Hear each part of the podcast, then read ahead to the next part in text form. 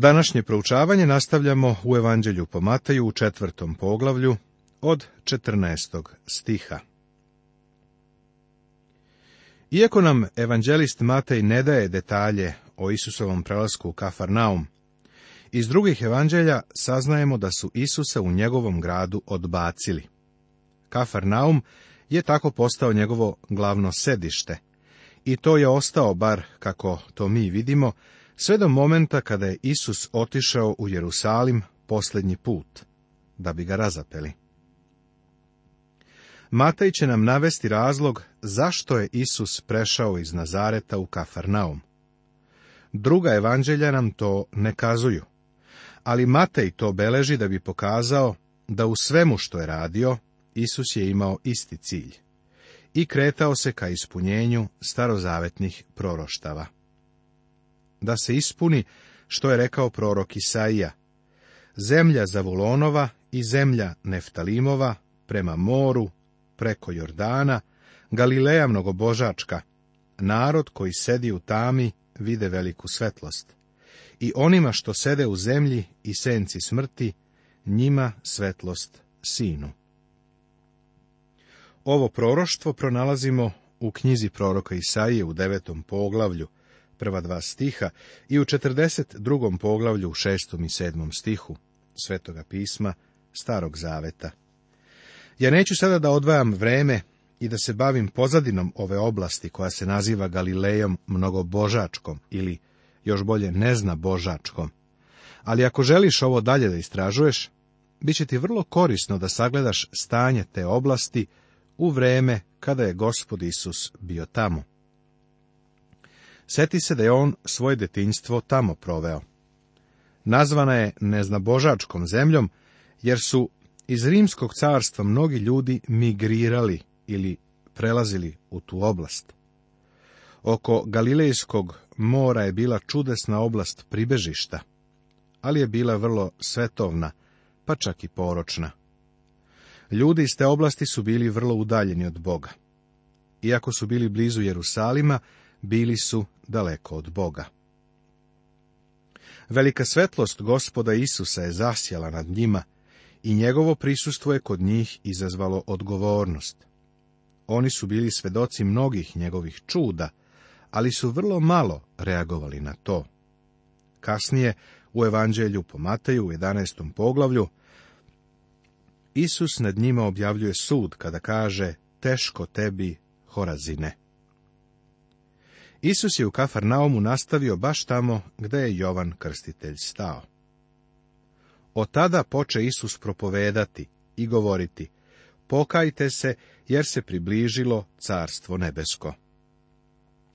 Isusova poruka je bila, pokajte se, okrenite se, dođite meni, carstvo nebesko je blizu. Ono je bilo blizu u ličnosti cara. Naravno, bez njega nije moglo biti carstva nebeskoga. Kao što smo vidjeli, carstvo nebesko, jednostavno rečeno, je vladavina nebesa nad zemljom. To će jednoga dana gospod Isus doneti na zemlju. Zemlja će postati nebo za Izrael, zemaljski narod, i oni će još tu dole ući u večnost. Crkva ima nebesku nadu, a i zemaljska nada je čudesna, i ona je starozavetna nada. Isus počinje da poziva svoje učenike. Sada Isus počinje da oko sebe okuplja učenike. Zapazi sljedeće stihove. A kada je išao kraj Galilejskog mora, vide dva brata, Simona zvanog Petra i Andreju, brata njegova, kako bacaju mrežu u more, jer behu ribari. I reče im, hajdete za mnom i učinit ću vas ribarima ljudskim. U evanđeljima gospod barem tri puta poziva ove ljude, ili preciznije bi bilo da kažem, da su Hristos i ovi ljudi održali tri sastanka. Prvi sastanak je bio u Jerusalimu, kao što je zabeleženo u evanđelju po Jovanu, u prvom poglavlju, od 35. do 42. stiha. Njihov drugi sastanak se desio na Galilejskom moru. I ovo je očito zapis o tome. Oni su ga vidjeli i pre ovoga, ali u to vreme on ih nije pozvao da budu sa njim. Sada, tu kod Galilejskog mora, kada ih ponovo susreće, on ih poziva da ga slede. I tada ćemo uvidjeti da se oni vraćaju da love ribe. Marko i Luka nam iznose taj detalj. I konačno ih on ponovo poziva i to ih poziva u apostolstvo. Čudno je da je gospod Isus pozvao ovakve ljude. Uvek sam smatrao da pošto je već pozvao nesavršene ljude kakvi su bili učenici, moći će da upotrebi i mene, pa samim tim i tebe. Ohrabrujuće je znati da ne treba da budemo neki super sveci da bi nas on koristio. Možda od tebe neće napraviti lovca ljudi ako nisi u tom poslu.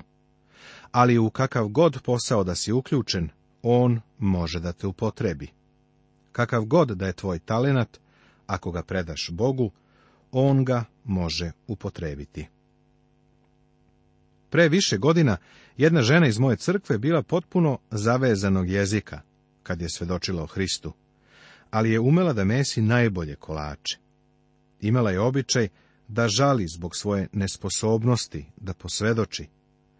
A onda sam joj jednoga dana rekao, da li ti je ikada palo na pamet da Bog želi da u crkvenoj porodici ti praviš kolače? Ovo možda izgleda smešno, ali nije. Za nas je važno da se predamo Bogu. Pod njegovim voćstvom nećemo svi raditi iste stvari, jer nam On daje različite darove. Hristovo telo ima mnogo delova ili članova, a svi oni obavljaju različite funkcije. A oni odmah ostaviše mreže i pođoše za njim. I kada odatle ode dalje, vide druga dva brata, Jakova Zevedejeva i Jovana brata njegova, kako u čamcu sa Zevedejem ocem svojim, krpe svoje mreže i pozva ih. A oni odmah ostaviše čamac i oca svoga i pođoše za njim. Ovo su vrlo zanimljivi ljudi i sa njima ćemo se bolje upoznati kako budemo dalje išli, a posebno kad ih budemo vidjeli i u drugim evanđeljima. Sada imaj na umu da se Isus nalazi u severnom delu Izraela, i obilažaše Isus svu Galileju, učeći u sinagogama njihovim i propovedajući evanđelje o carstvu i lečeći svaku bolest i svaku nemoć u narodu. Zapazi da Isus uči u sinagogama i da propoveda evanđelje o carstvu. Šta je to? Evanđelje, radosna vest o carstvu, je to da je carstvo blizu, u ličnosti cara. Oni treba da ga prihvate i prime. On također isceljuje njihove fizičke bolesti. Prijatelju, tog dana su tamo bile hiljade ljudi, koje je Isus iscelio. Mataj nas posebno o tome izveštava. Ako obratimo pažnju na tekst, vidjet ćemo da to nisu bili neki pojedinačni slučajevi, nego su hiljade ljudi bile isceljene. To je razlog zašto Isusovi neprijatelji nikada nisu osporavali njegova čuda. Previše ih je hodalo unaokolo. Usput da kažem, ja živim u Južnoj Kaliforniji, u Sjedinjenim državama, gdje mnogo takozvanih iscelitelja verom tvrdi da je iscelilo na hiljade ljudi. Ali mi ta navodna čuda ne vidimo oko nas, ili barem se ja sa njima ne susrećem. I raširi se glas o njemu po svoj Siriji. I donesoše mu sve bolesnike koji su patili od različitih bolesti i muka, besomučne i mesečare i uzete i izleči ih. Zapazi ovo, mnoštva ljudi. I pođe za njim mnogo naroda iz Galileje i Dekapolja, Jerusalima i Judeje i s one strane Jordana. Dekapolje je bila oblast sačinjena od deset gradova, u severoistočnom delu Galileje, istočno od reke Jordan. Imao sam tu čast da posjetim jedan od tih gradova. Ljudi su, također, dolazili gore iz Jerusalima i iz Judeje, najjužnijeg dela Palestine, i od preko Jordana, što znači izdaleka. Isus služi tamo na severu Palestine. Dok proučavamo evanđelje po Mateju, Treba imati na umu da Matej ne pokušava da nam da hronološki zapis o Hristovom životu. U svom evanđelju on Isusa predstavlja kao cara i prati razvoj događaja koji dovode Izraelu cara i njegova prava i zahteve. Važno je to uvideti. Ako taj razvoj propustimo u Mateju, propustit ćemo cilj evanđelja.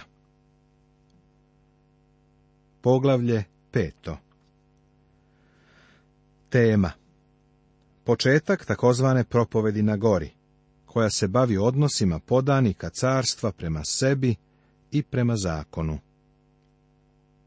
Uvod u propoved na gori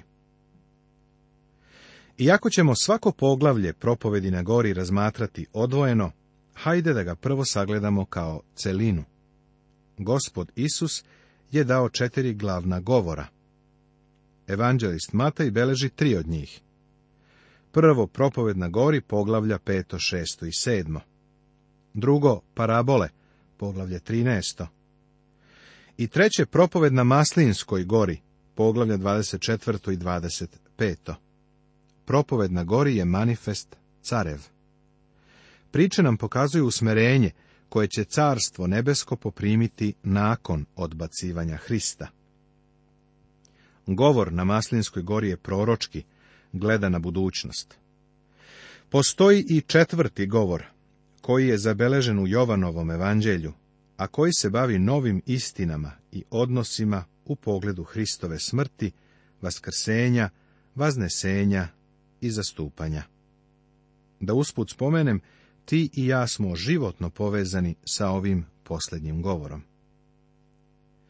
Iako se propoved na gori nalazi u Evanđelju po Mateju u petom, šestom i sedmom poglavlju, odlomci se nalaze i u ostalim evanđeljima. Malo je verovatno da je naš gospod ovo dao samo jednom.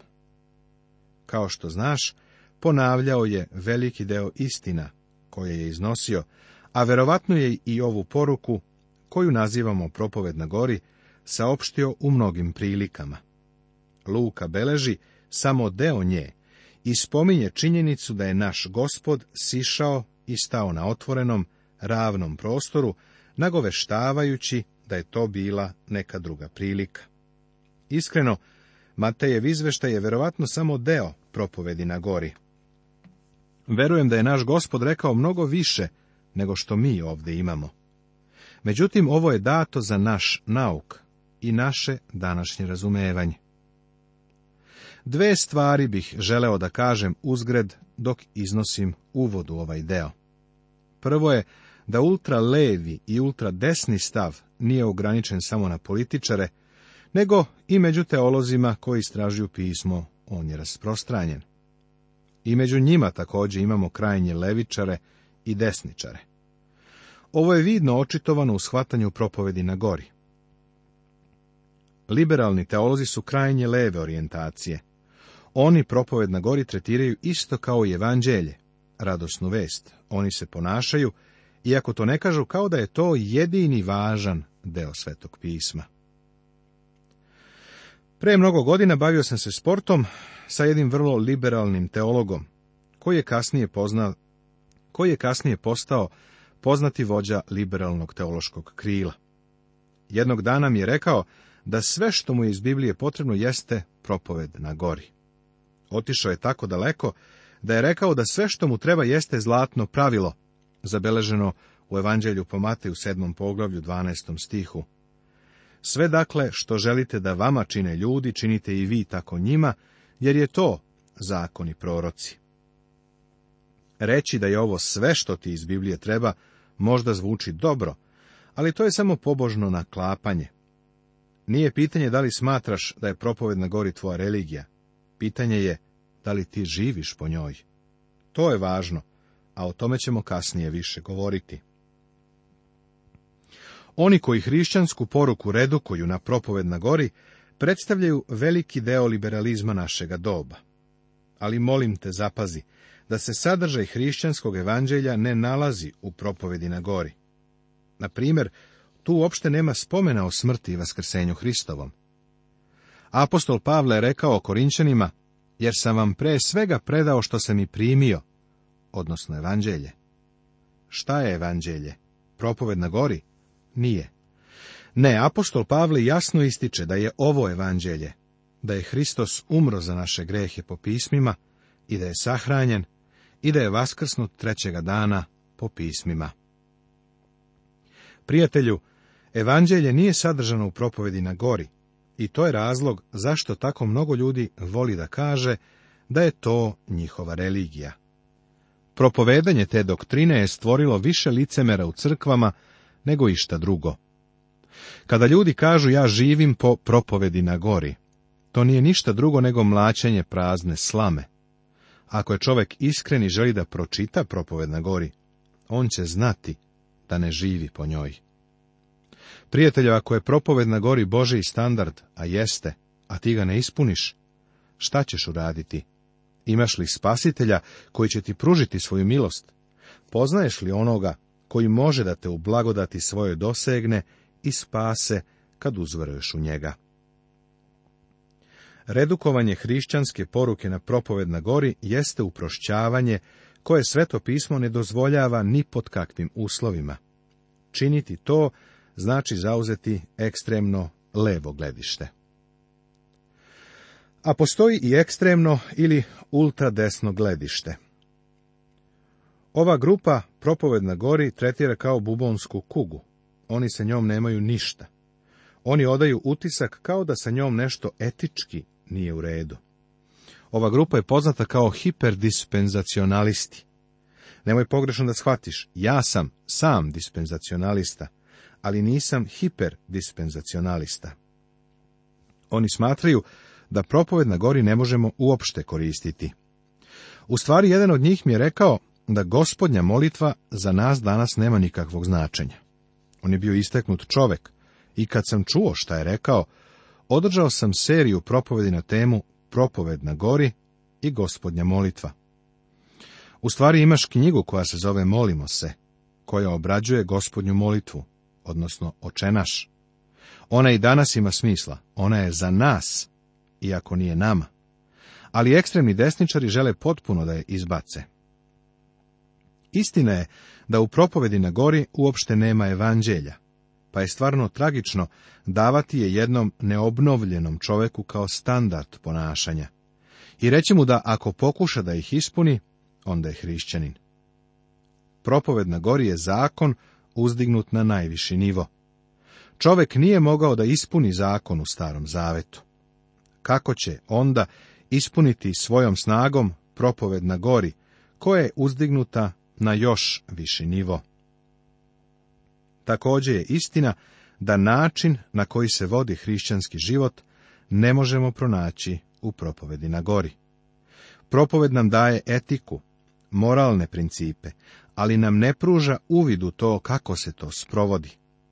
Življenje po sili duha svetoga koji prebiva u nama nije još samo jedna od istina koju poučava propoved na gori.